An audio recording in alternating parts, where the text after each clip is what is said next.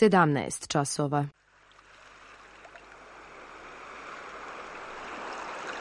Radio Televizija Srbije. Radio Beograd 2.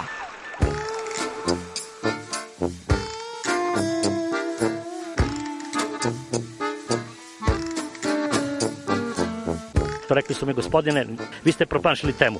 Pa ja sam onda promašio život. I ne znam šta će da bude sam. Kaže, ja ne mogu više te čuvam. Šta da ti radi, kaže, snađi se kako znaš. Mi smo kao u kafesu. Za nas to je najmrtvo. To je mrtvo za nas, naročito. Ja bih želela neko da me usvoji. Da bih želela. Govori da bih te video. Program dokumentarnog zvuka.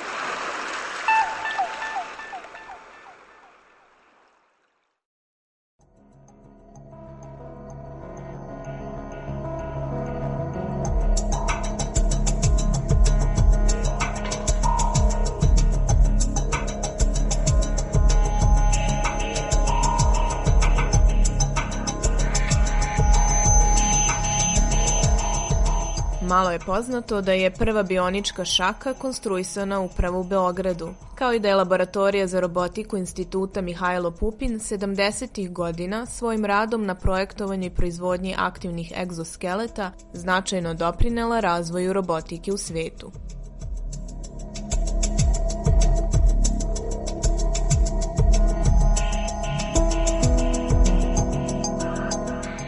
O robotici i njenom razvoju za naš program govorit će Ivan Stanić, kustos Muzeja nauke i tehnike i Dobrivoje Erić iz Centra za promociju nauke.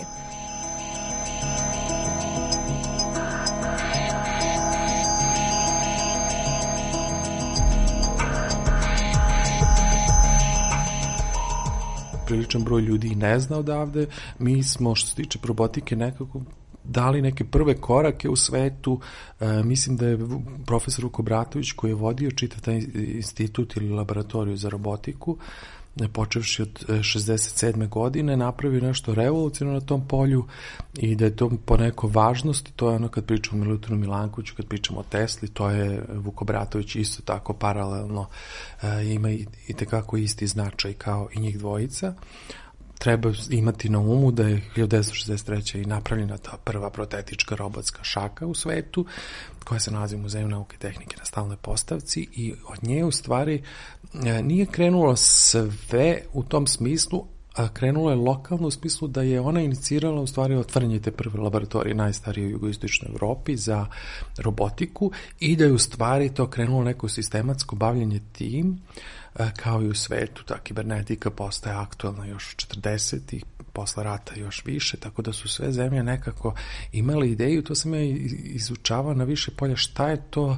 gde je izvor te ideje uopšte da se ljudi bave kibernetikom. To se tad zvalo kibernetika, nauka o upravljanju, danas to više zovemo čak je bila automatika nešto dominantna, mada to sve sad se nekako svrstava pod robotiku i nekako e, su svi mislili, sve glavne zemlje istočnog i zapadnog bloka i Amerika i Rusija recimo i kod nas, mislim da iza toga se krije jedna ideja o tome da će ta nova nauka da omogući njima i upravljanje ljudima, mozgovima ljudi, ali to vidimo i kroz raznu estetiku i taj poznati film od Fritz Langa i tako dalje i Orwell 84. Mi više vidimo to neku manipulaciju na mentalnom nivou više nego na tom mehaničkom.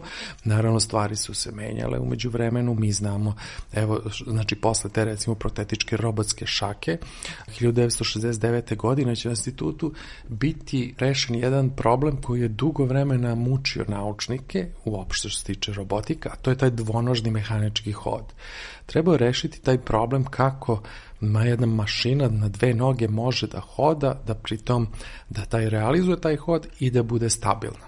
E, to, tu je najveći zaslug u stvari taj profesor Vukobratović koji je napisao tu teoriju tačka nula momenta, teoriju pomoću koje je omogućeno njima da hodaju. To je jedna kratka jasna matematička formula koja izračunava tačno gde je na stopalu mašine e, gde su rezultante se, e, sila jednake nula. Znači ta teorija se i dan danas koristi za kretanje većine androida koje se u Japanu proizvode i tako dalje širom sveta.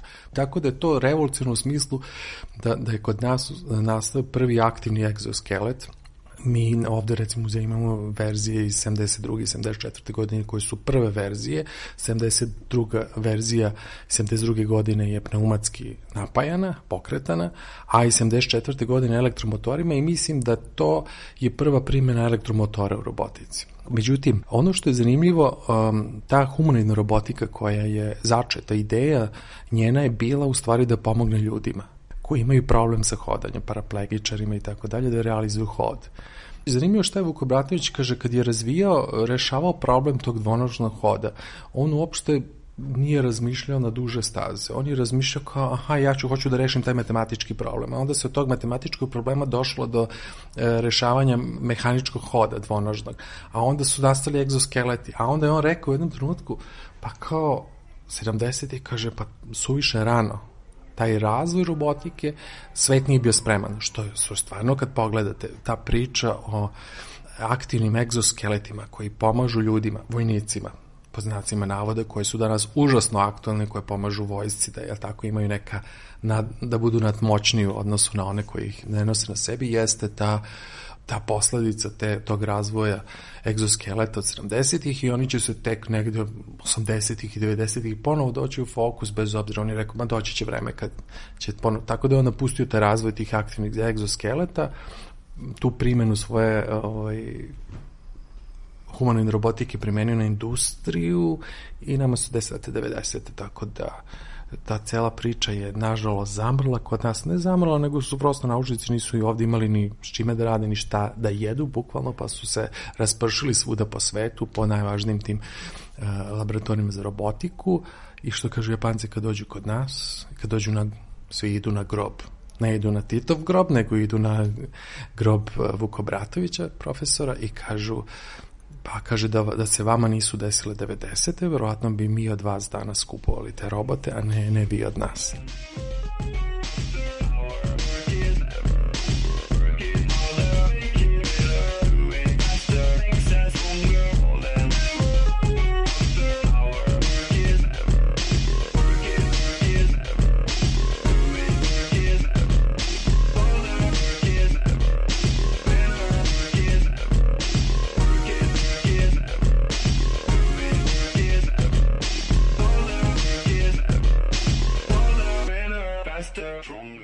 Je ta velika nada u neku novu budućnost koja će biti tehnološki obojena, gde će mašine biti naši primarno saveznice i gde ćemo mnogi probleme prevazići uz pomoć njih. Ideja robota i koncept ove jesu zaživeli, ali oni nikako nisu ostvarili ono što je bilo zamišljeno, iako napravimo neko upoređivanje sa delima nauče fantastike ili opšte književnosti koja je bila okrenuta budućnosti od Isaka Asimova do George Orwella do Huxleya i do svih onih drugih zapravo vidimo da smo veoma daleko i da su sve te godine prošle i 1984. i iz Blade Runnera ona, ona, ona, ona prvo dešavanje, pa onda snimljen nastavak koji je malo pomerio jel da neka, neka, neka istorijska dešavanja. Dakle, ljudi smo i sanjamo i maštamo naveliko i pokušavamo da to utkamo ono čime se bavimo i verujemo, ako gledamo pozitivistički, da će nam jel da mašine rešiti probleme i da će biti naši saveznici u pohodu na, na svetlu budućnost. Ali ne treba smetnuti suma da imamo i treću liniju, dakle kao neki treći paralelni tok, a to je oni koji su e, skeptični ili čak e, zastrašeni mogućnostima koje nove tehnologije nose i opet ne, ne želim da, da, da držim ničiju stranu, Svi, svako ima pravo jel da i na svoje mišljenje, a ima i objektivni činjenice koje podupiru jedan od ovih od ova tri temelja ali realnost zapravo je ona koja se zastiva na činjenicama i da bismo razumeli i razvoj robotike i, i razvoj drugih tehnologija i uopšte neki tehnološki trenutak sada u svetu, zapravo moramo da vidimo koje su realni dometi naših nauka.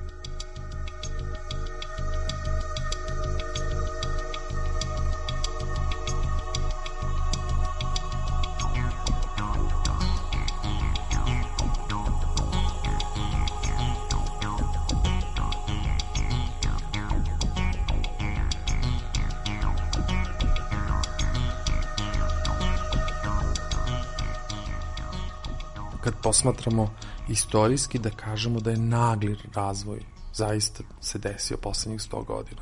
Ali dobro, mislim, mi, mi danas govorimo kao kiborzi, sad su sad kiborzi, svi su sad kao nešto protiv toga šta sad kao, svi ćemo postati mašine, ali mi jesmo mašine, mislim, mi smo mi mogli da napravimo nešto, po čim uzor, uzoru smo mi na, mogli da napravimo robota ili mašine, po čijem, nego po sobstvenom, je tako, šta smo mi to gledali drugo, pa smo se ugledali, pa smo kao, eto, mislim, prosto ljudi ne razmišljaju, sama robotika, sama ideja o tome jeste da nam mi napravimo nekog, možemo mi da napravimo nekog veštačkog, što ona kaže, sad dolazimo do te ideje Boga.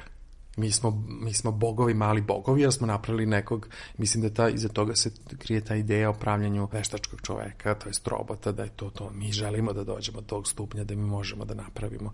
Jer, ovaj, recimo, zanimljiva je i ta, ta priča ovaj, i o Doli, prva klonirana ovca, što, mislim, mi, svi su prestravljeni idejom kad su gledaju to, to je druga, obična ovca kao i svaka druga, ali sama ideja da je ona klonirana je nešto što nas užasno uzbuđuje, jer remeti taj neki naš ustaljeni prenošeni način razmišljanja da kao, aha, i mi možemo da kloniramo i stvorimo živo biće. Ne može samo to automatski da se desi, ne može, ne znam, kako već od gore.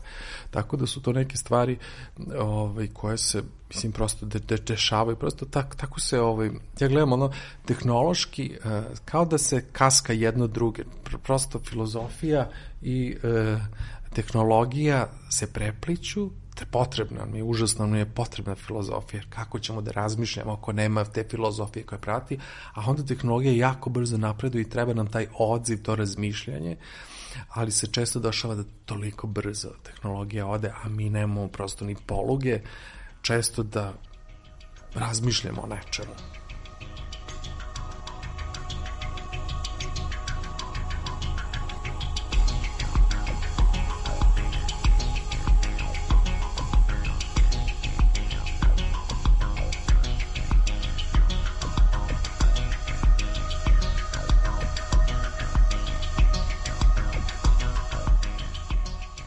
Veliki razvoj u tehnici, tehnologiji, nauci kroz istoriju su pokazali da uvek postoji otpor ljudi. Uvek su ljudi mislili da će nešto ne njima da uništi, da ih zameni i tako dalje, tako da i dan danas postoji taj strah da će u stvari taj robot da zameni čoveka. E, znamo da je recimo najprostija stvar koju imamo recimo aparat, sa mi zovemo prvi selfie, to je automatan koji za proizvodnju fotografija koji je 2026. postavljen u Beogradu na trgu i svi su fotografi pisali peticiju. Sad će ova nova sprava da nama uzme poslove.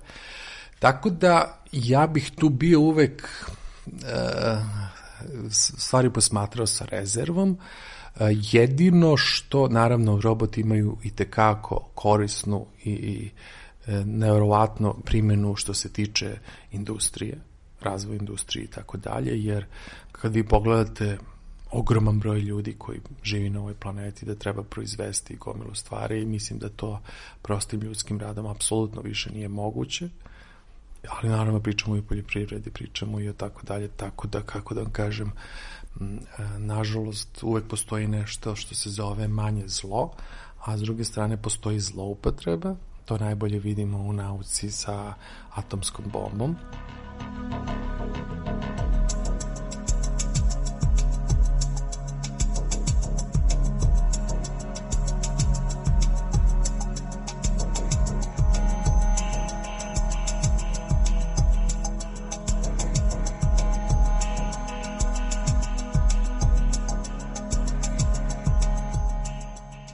Percepciju uh, humanoidnih robota. Iako velika većina robota zapravo nisu takvi, ali najčešće najčešći doživlje robota jeste i mi ih stalno doživljamo da nešto kao, kao svoje slično. I film, i književnost, i strip, recimo. To su sve oblasti gde gde su te fa fantastična bića dominantna i nekako su toliko vjerojatno ušla u našu, u našu svest da ne možemo te, te slike da, da, da, da izbacimo iz svoje glave i mi smo recimo ugostili tog a, Hondinog robota Asima i to je fantastičan doživljaj. To je bio show koji je bio na uglavnoj sali Kolarca a, e, tri dana u nizu sa pod, ukupno desetak, desetak tih showa koji su trajali po sat vremena. To je neka je bio nevjerojatan spektakl. Deca su vrištala kao da je neka pop zvezda došla, a u principu je to samo jedna a, e, vrlo dobro programirana mašina čak i u tom trenutku daleko slabije od mnogih koje su tada postojale. Mi sada vidimo recimo Boston Dynamics i neke velike firme, posebno u Americi na MIT-u, ovaj, razvijaju fantastična robotska rešenja, prevazilaze one probleme u hodu, u, u, ho, bukvalno u hodu one koje se tiču pokreta, recimo kretnje i, i, i, i nekih okolnosti koje je vrlo teško da, da, da, da tehnologija prevaziđe i to jako napreduje. Ali ta druga, taj drugi deo o svesti koji je zasnovan pre svega na veštačkoj inteligenciji, odnosno na, na neuronaukama, iza njih je vrlo složen i vrlo specifičan i rekao ljudski mozak je verovatno najznačajnija tema kojom se mi kao ljudi moramo baviti i razvoj bilo čega dalje od, od nas kao nezavisnih robota ili nekih nekih keyboarda ili nekih hibrida, dakle zavisi isključivo od toga. Ono što je jasno kada su u pitanju sistemi veštačke inteligencije, makoliko autonom, autonomnost im dali, jeste da mi njih moramo konstantno da hranimo ogromnim količinama i ogromnim bazama podataka. I to je moguće. Podaci se sada upravo zbog ovih uređaja i zbog društvenih mreža i zbog svega relativno je lako prikupljaju i toga ima sve više, ali način na koji ih hranimo i čime ih hranimo će opredeljivati tokom tog, te, tog segmenta njihove autonomnosti koji imaju će opredeljivati njihove, njihove odluke. I oni zaista hoće biti objektivni u tom smislu, ali će ta njihova objektivnost zavisiti od preduslova koji su im dati. A ta datost opet isključivo na, na čoveku.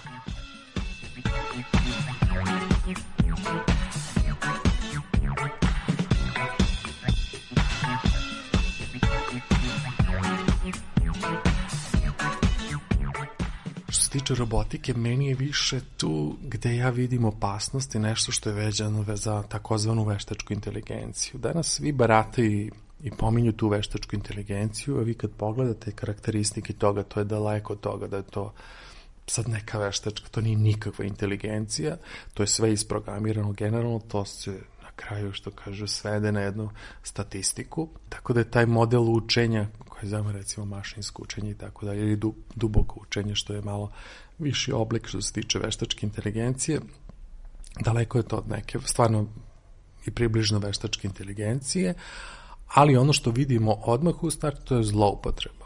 Jeziva zloupotreba, zato što je prosto ta tehnologija puštena zahvaljujući naravno velikim firmama i komercijalnom sektoru, puštena je svuda u promet, a da nisu uspostavljeni nikakvi kriterijumi, ni pravni, ni bilo koji.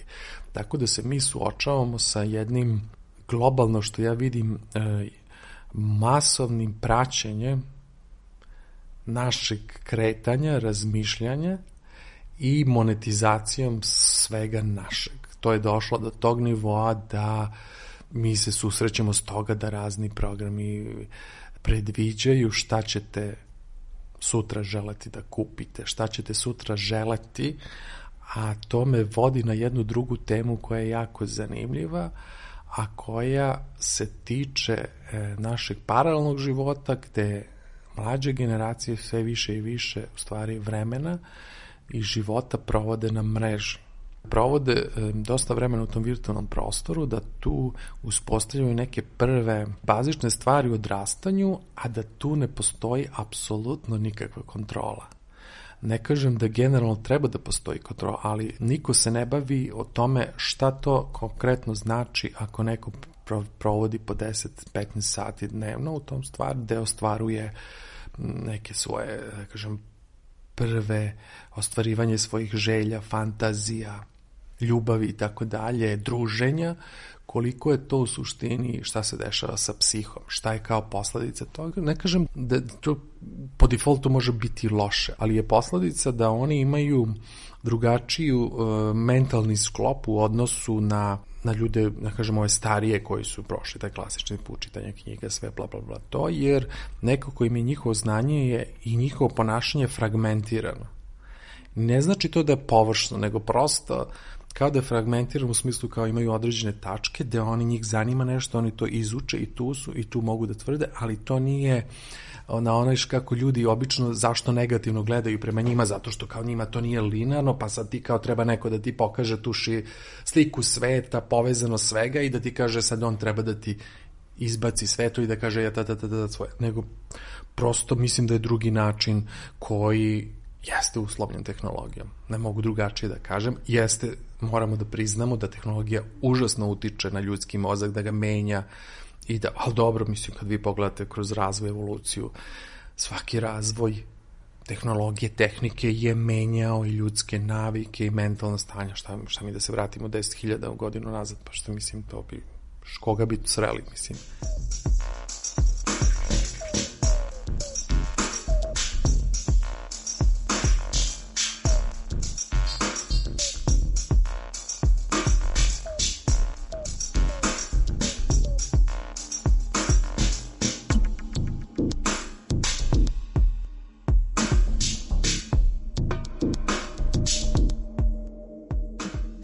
Dolazimo u neke starije godine ili da vjerojatno ćemo sve češće neke delove sebe zamenjivati sa određenim proizvodima i, i, i, i, i produktima.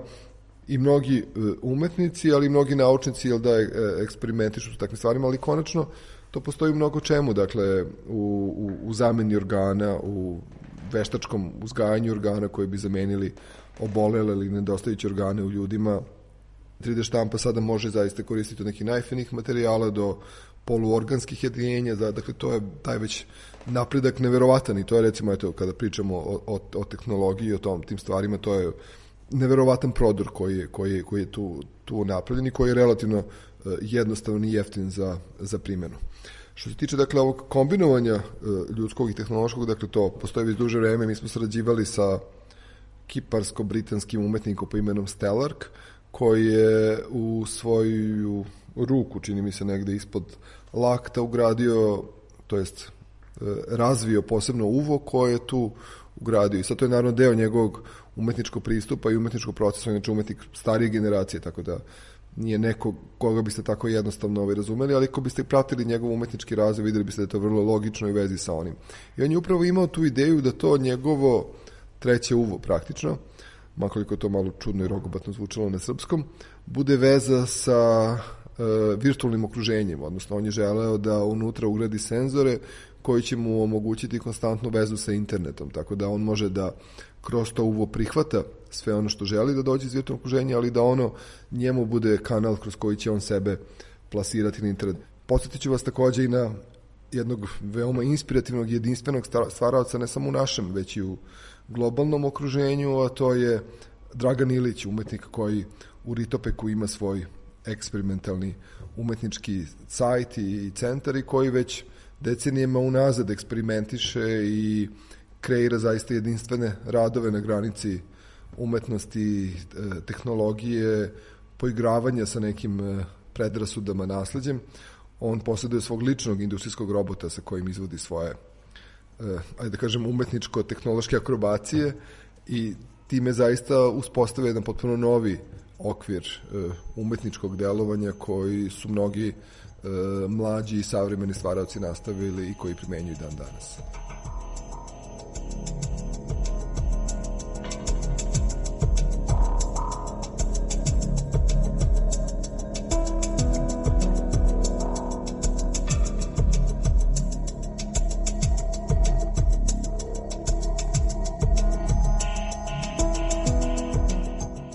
S obzirom dakle da je ovo neki, nadajmo se, post ili pozni pandemijski period i da se vraćamo jel da nekim regularnim okolnostima, temama i, i iskušenjima. Nesumnjiva tema broj 1 jeste da sačuvamo planetu na kojoj se nalazimo, odnosno da sačuvamo resurse, resurse koji će nam omogućiti dalji razvoj, uključujući i taj tehnološki. Dakle, robotike i bilo kog drugog razvoja nema bez održivog korišćenja resursa koji će stvarati tu tehnologiju. Nije ideja praviti robote da bismo još više povećali eksploataciju resursa i da bismo sami sebe time ugrozili. Dakle, roboti će tu i dalje izvršavati naše naređenja i naše želje, ali ćemo mi sami sebi praviti štetu. Oni će tu biti samo puke mašine koje to izvode. Dalji razvoj robotike i uticaj na čoveka isključivo zavisi od čoveka. I mi kakvi smo ne možemo još uvek da funkcionišemo ni na jednom drugom mestu u poznatom svemiru, gde nisu uslovi kao što su na zemlji, dakle zemlja je još uvek jedina. Verovatno postoje još neke zemlje, ali pitanje je da li ćemo i kada do njih doći. U ovakvom raspodelu stvari i u ovakvom sistemu i našoj brojnosti i onome što crpimo da bismo održali ovakav stil života ili takvu raspodeljenost po čitavoj planeti, mi dakle crpimo resurse već decenijama prekomerno i na način koji u konačnom neće ugrožiti planetu, ugrozit će nas. Dakle, planeta će svakako opstati i ona će se, naravno, istorijski se to i dešavalo ranije, ona će se obnoviti i ona će ponovo biti i lepa, zelena i prirodna i imaće daleko prijatnije klimatske uslove. Možda će tada za koju stotinu miliona godina neki novi ljudi nastati. Međutim, dakle, mi smo ugroženi. Mi kao pojedinci trenutno i u raznim okolnostima, ali mi kao civilizacija dugoročno gledamo. E sad, ako se desi taj negativni scenarij, ako čovječanstvo ne, na, ne nađe neki zadovoljavajući i, rekao bih, normalni kompromis, dakle mi idemo ka svom izumiranju, odnosno mi ćemo stradati daleko zbilje nego što nas je ova pandemija udarila. U, to, u takvom slučaju, da li je bolje da recimo samo odjednom nestanemo sa, sa lica zemlje da nas više nema, ili da barem ostavimo neke svoje tehnološke naslednike, dakle oni koji mogu na neki način znanja, sećanje, vrednosti, e, rezultate da sačuvaju za neku daleko, daleko, daleko budućnost kada će možda neka nova civilizacija da nastupi. Ja mislim da ako već e, se dešava jedan takav negativan scenariju, što ni na koji način ne želim i duboko verujem da se neće, ali šanse uvek postoje, mislim da ipak bolje da imamo neke ishode svoj, svoga e, dugogodišnjeg bistovanja na ovoj planeti, pa makar to bili ili da i neki roboti i neke mašine. Work it, make it, do it, makes us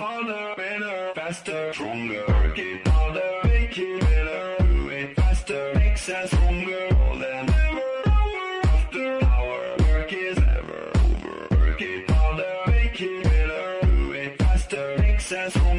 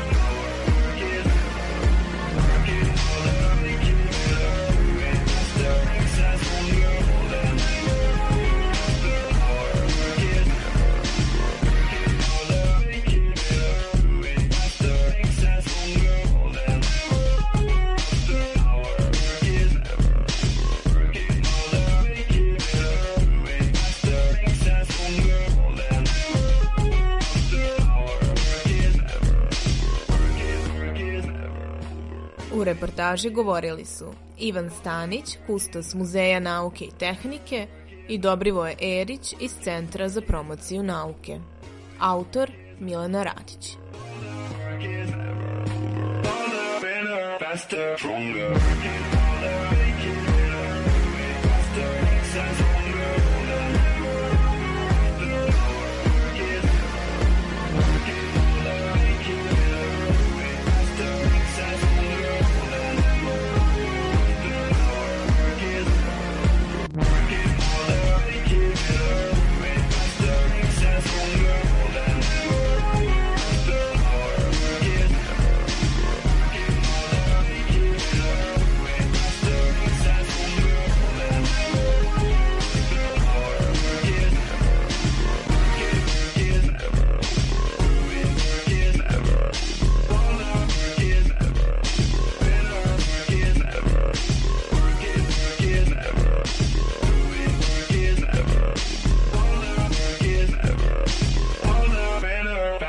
Stronger.